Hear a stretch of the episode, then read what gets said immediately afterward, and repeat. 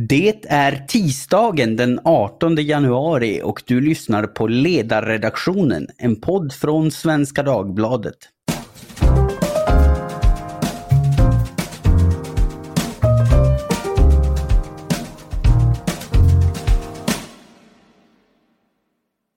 Jag heter Jesper Sandström och idag ska vi prata om det smått hisnande ämne som upptar hela ledarsidan i dagens tidning. I väldigt korthet sammanfattat. Navet i regeringskansliets samlade pandemiarbete har varit och är än idag en arbetsgrupp med namnet Gruppen för strategisk samordning. Bara under 2020 hade gruppen 149 sammanträden, ibland flera samma dag. Och av dessa möten finns idag inte ett spår, inga protokoll, inga anteckningar, ingenting.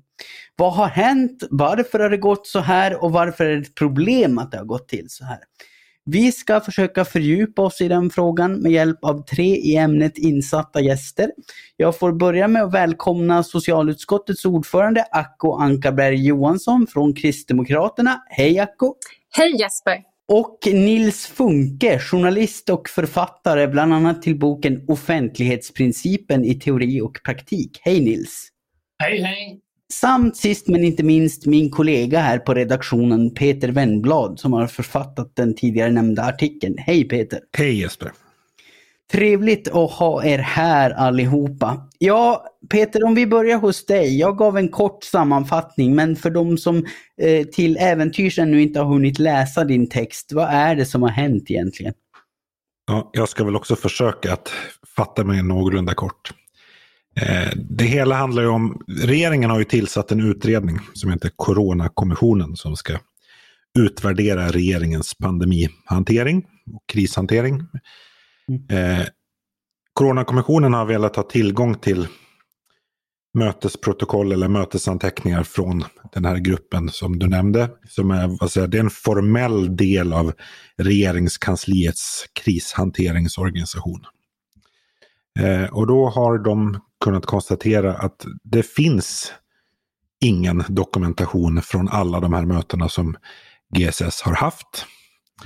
Eh, och den behöver ju, alltså ett av Coronakommissionens mål är ju vad ska säga, att försöka kartlägga händelsekedjan, inte minst i pandemins inledning. När fick, när fick regeringskansliet information och på vilket sätt och vilka slutsatser drog man av det? Vad rekommenderade den här gruppen regeringen att fatta beslut? Att kunna återskapa vad som, som hände och då är ju de här eh, mötesprotokollen, mötesanteckningarna väldigt viktiga. Men som sagt, de finns inte. Eh, och, och då, är då har Coronakommissionen försökt att lägga pusslet på annat sätt genom att försöka få ut enskilda tjänstemäns liksom, egna anteckningar och sånt där. Men det har de nog nekats av eh, regeringskansliet. Mm. Acko, du kommer ju precis från ett sammanträde med socialutskottet dit socialminister Lena Hallengren hade kallats eh, för att svara på oppositionens anklagelser om att regeringen medvetet försvårar Coronakommissionens arbete.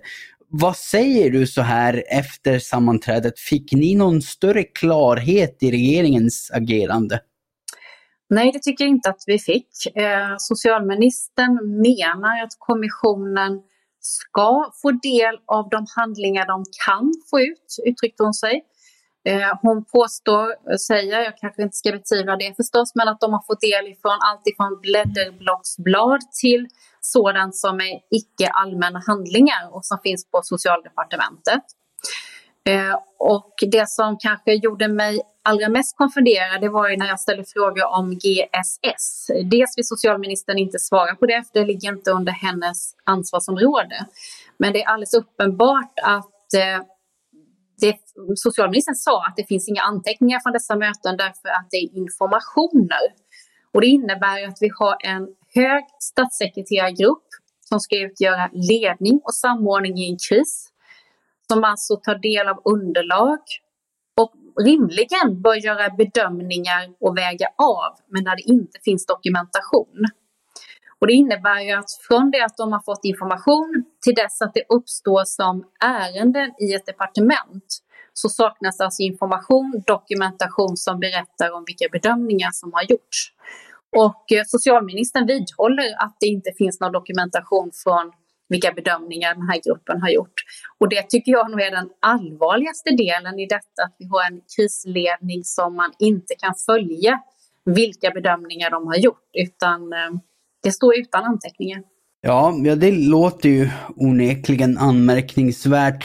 Eh, Nils, om jag vänder mig till dig. Du publicerade ju igår för organisationen Utgivarna en artikel om Coronakommissionens arbete där du menar att regeringen har citat visat en osannolik kreativitet för att förhindra eller fördröja utlämnandet av uppgifter. Vad är det som får dig att uttrycka dig så? Eh, den där kreativiteten, det var mer en sammanfattning över hur offentlighetsprincipen har hanterats av kommuner, regioner och även centrala myndigheter från dag ett när eh, pandemin bröt ut. Där kan man ju liksom se hur man då hänvisar till att det finns ingen allmän handling, det är minnesanteckningar, eller man tillämpar felaktiga bestämmelser i sekretesslagen för att inte lämna ut det. Eller också töjer man och drar på sekretessbestämmelserna för att då eh, minska insynen i hur kommuner, regioner och även centrala myndigheter har skött sig. Det var framför allt det jag syftar på, men som toppen på alltihopa det här och denna skulle jag vilja beskriva som Eh, bedrövliga hantering av offentlighetsprincipen på olika nivåer under hela pandemin. Det når något slags eh, crescendo när till och med den högsta politiska ledningen då hanterar en, sin egen kommission på det här sättet som då har skett. Eh, för det är nämligen på det viset att eh, regeringen har ju då precis som eh, Peter skriver i sin artikel, eh, eh fattat ett beslut om att myndigheter underställda regeringen ska lämna ut de uppgifter som man då förfogar över till kommissionen. Så det handlar ju inte bara om att kommissionen ska få allmänna offentliga handlingar, inte, för de kan ju vem som helst få del av, utan syftet med den där förordningen är ju liksom att öppna dammluckorna fullständigt för att då eh, lämna ut de, eh, de uppgifter som finns på eh, regeringskansliet och i den här eh, gruppen också. Ja, och, och just det där begreppet i förordningen att det, det, är uppgifter som de förfogar över. Det har väl eh, regeringen valt att hänga upp sig på och, och svara då att ja, men de uppgifter som, som finns, det är uppgifter som vi inte förfogar över då enligt förordningens mening. Är det en legitim invändning? Eller?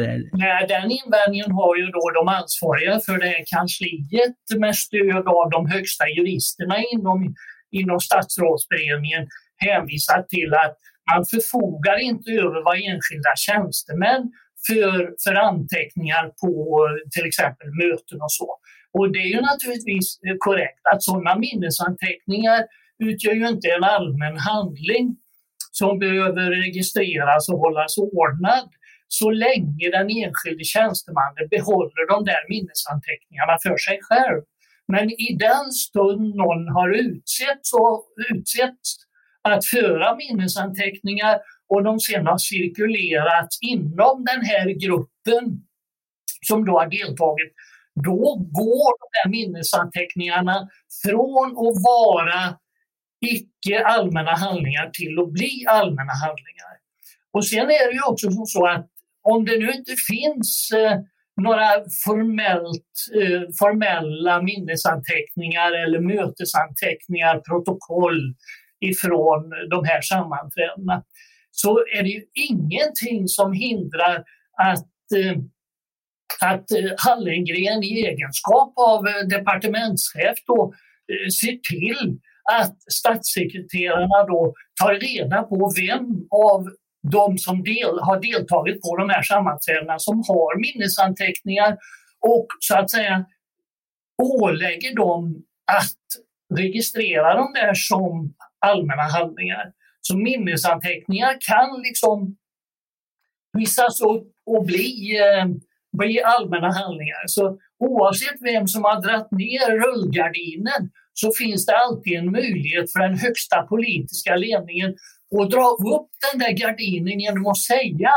inte som Hallengren säger, så långt det är möjligt ge coronationen möjlighet att ta del av relevanta handlingar som departementet eh, förfogar över.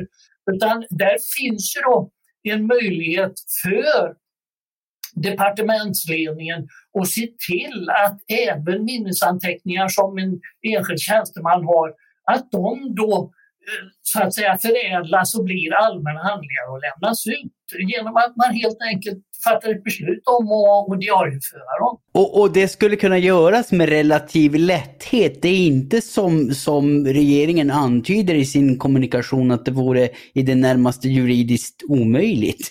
Nej, nej, nej, nej, nej. De gömmer sig bakom juristerna på ett lite fegt sätt skulle jag vilja säga. Va? Istället för att ta ansvaret där att man då, man då har för hur den här verksamheten sköts så hänvisar man då till, till eh, de juridiska bedömningar. Alltså juridiskt, det, det, det är inte hållbart.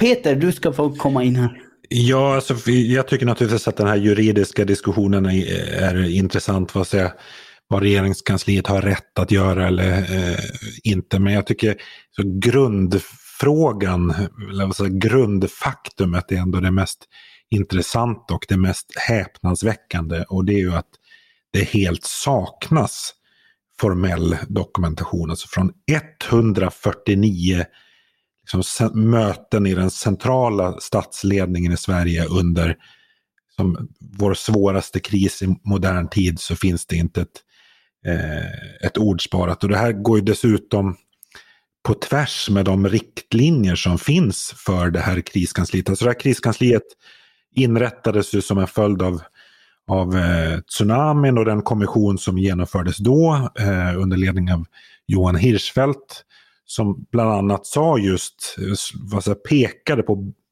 bristen på dokumentation då och vikten av att förbättra dokumentationsrutinerna framåt. Och det finns skrivet alltså hur man ska, vilken typ av eh, dokumentation man bör föra och den har frångåtts helt och det är för mig fullständigt obegripligt. Alltså inte ens när, alltså Coronakommissionen, regeringen tillsatte Coronakommissionen i juni 2020, alltså några månader in i pandemin. Och inte ens då, när det står i direktiven till Coronakommissionen att den ska utvärdera regeringskansliets krishantering. Inte ens då börjar vad säger, kriskansliet att dokumentera eh, sitt arbete. Alltså det här, är, det här är ofattbart i så många led.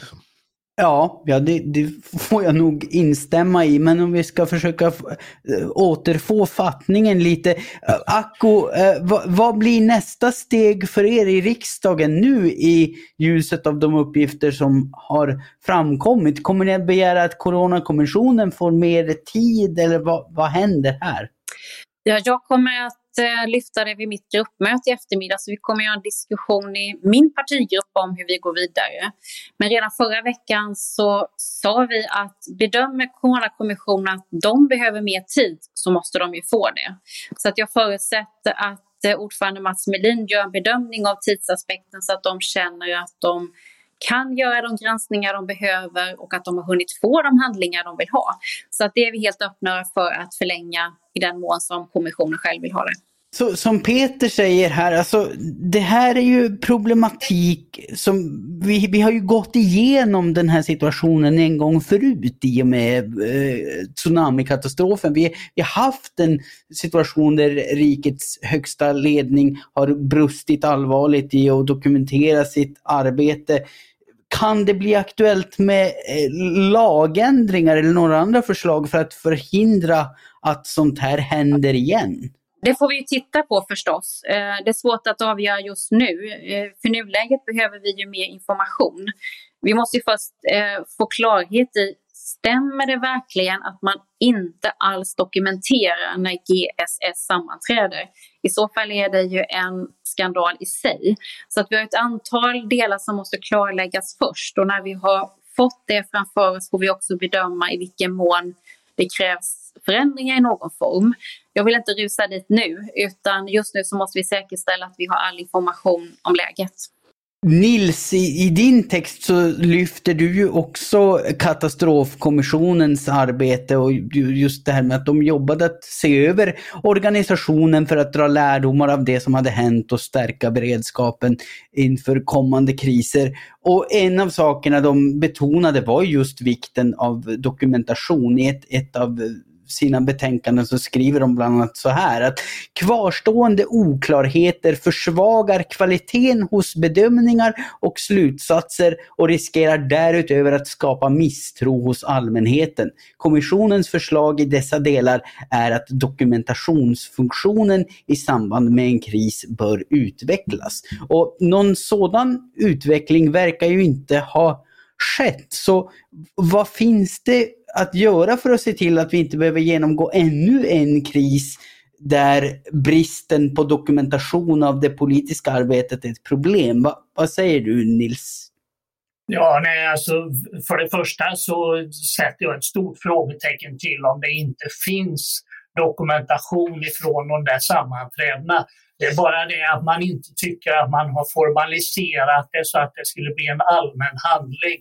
Det är klart att sitter statssekreterare där ifrån departementen och kommer överens om vad som ska göra och vem som ska göra vad. Det är klart att det dokumenteras på något sätt. Det skulle vara fullständigt eh, obegripligt om det inte finns sådana anteckningar. Att det sen inte då har upphöjts till mötesprotokoll, det spelar enligt min uppfattning ingen större roll för de minnesanteckningar som finns går och så att säga ges status av eh, en form av, av, protokoll. Det är bara det att då krävs det liksom ett politiskt initiativ ifrån, ifrån departementscheferna om att ja, du förde anteckningar, du diarieför dem och så lämnar vi ut dem till, eh, till, eh, till kommissionen. Så det, mm. det är frågan om en politisk vilja och sen är det klart att i förvaltningslagen ställer ju långtgående krav på myndigheterna att dokumentera hur ett beslut kommer till, vilket underlag som finns så att det i efterhand ska bli begripligt för medborgare att förstå hur beslutet eh, är utformat. Så det, det är liksom inte, behövs ingen, som jag ser det, ingen justering av av förvaltningslagens krav på en dokumentation eller så, utan eh, det, det, det handlar om att eh, vi dessvärre, precis som har visats under hela den här eh, pandemin, det sitter inte i väggarna en förståelse för hur viktig den här dokumentationen är. Det, det är liksom ett, något av ett ja, förfall är väl att ta i, men alltså det är liksom en, en, en avkall på en god svensk förvaltningstradition. Att det ska vara möjligt att följa hur ett beslut kommer till och vilka fakta som då har lagts, eh, väckts in i ett sånt här avgörande. Mm, men du, du, säger ju det att om det finns en politisk vilja då, då är det här lätt löst. Men, men, men då, då uppstår väl frågan om det då har skett ett, ja förfall är kanske ett för hårt ord, men, men om kulturen har förändrats på sådant sätt att den här politiska viljan inte längre finns. Skulle det, skulle det då kunna behövas mekanismer för att tvinga fram det politiska agerande i de, i de situationer där viljan saknas? Alltså enda sättet att tvinga fram det, här, det är ju att eh, den här coronakommissionen, om det nu är så illa ställt som det verkar, upprepar vad katastrofkommissionen sa. Eh, poängterar vikten av betydelse och, och möjligtvis att eh, det kan bli en fråga för konstitutionsutskottet när eh, Mm. när det är dags för en granskning av hur, hur eh, den här verksamheten har skötts. Så jag skulle väl bli förvånad om inte eh, konstitutionsutskottet tar ett eget initiativ och, och, och granskar och värderar hur eh, hur Coronakommissionen har blivit behandlad och bemött av regeringskansliet. Det är möjligt att en sån granskning kan vänta till kommissionen har lämnat sitt betänkande men jag ser ju framför mig att kommissionen eh, dokumenterar och beskriver eh, både eh, hur de brister som finns i dokumentationen och, från verksamheten och att man Eh, hur man själva har blivit eh, behandlade, bland annat det här då som Hallengren nu upprepar, att det, det handlar om att kommissionen ska få ta del av relevanta handlingar. Eh, Kanslichefen för den här GSS-gruppen har ju då till, eh, till kommissionen sagt att eh, vissa av de här handlingarna ni begär ut, eh, de har ingen relevans i det här sammanhanget. Det åligger liksom inte Hallengren eller en, en tjänsteman inom regeringskansliet att avgöra vad det är en oberoende kommission anser sig behöva ha som underlag för sina beslut. Utan man ska liksom eh, helt bara säga att eh, vi är angelägna om att eh, kommissionen får del av de uppgifter de begär i den mån som då departementet förfogar över dem och förfoga över dem. Om det nu är minnesanteckningar som enskilda tjänstemän sitter på så går det att höja statusen på dem till att bli allmänna handlingar genom ett, eh, ett politiskt initiativ ifrån, ifrån mm. Eh, statsledningen. Detta är ju detta är ju förfärligt. Alltså syftet med kommissionen är ju inte i första hand att och, och få fram syndabockar utan syftet är ju att man ska kunna dokumentera organisation och, och handlingsplaner och annat så att vi i en framtida krissituation eller pandemin kan då finslipa metoderna och bli bättre på att hantera sådana här eh, eh, pandemier. Istället så mm. blir det nu att man sätter klackarna i backen och gör vad man kan för att eh, motarbeta Coronakommissionen när de då begär fram uppgifter. Acko, efter sammanträdet idag, ser du någon utsikt till lösning på det sätt som Nils föreslår här? Eller, eller finns det några indikationer på att det är som det först sades, att, att det helt enkelt inte finns någon dokumentation? Eh, verkar det finnas en total avsaknad eller finns det något som faktiskt går att få fram bara kommissionen bereds tillgång till information på det sätt de själva önskar? Jag förutsätter ju, precis som Nils Funk, att det finns eh, dokumentation det vore mig mycket märkligt om de inte hade noterat något när man går från ett möte och är överens om vad man gör. Men det är just att jag tycker som vi som oppositionsparti måste nu ställa frågan, finns det verkligen ingenting? Och så måste regeringen tala om att det finns och precis som föreslås se till att det blir allmän handling och sedan får man se vad i detta som är offentligt den dagen de vill titta på det. Så att jag förutsätter att regeringen eh, förstår trycket just nu. Men skulle det vara så illa att det faktiskt inte finns något, Eh, dok någon dokumentation, då, då hamnar ju frågan i ett annat läge. Men jag tänker också att eh, det kommer bli intressant. Eh, jag hoppas att konstitutionsutskottet på något vis också kan kalla regeringen eh, i närtid för att, så att säga, få en helhetsbedömning från regeringskansliet och inte bara från socialdepartementet. Så att vi säkerställer att vi får del av all information vi kan i det här läget och sen får man ju bedöma det från där.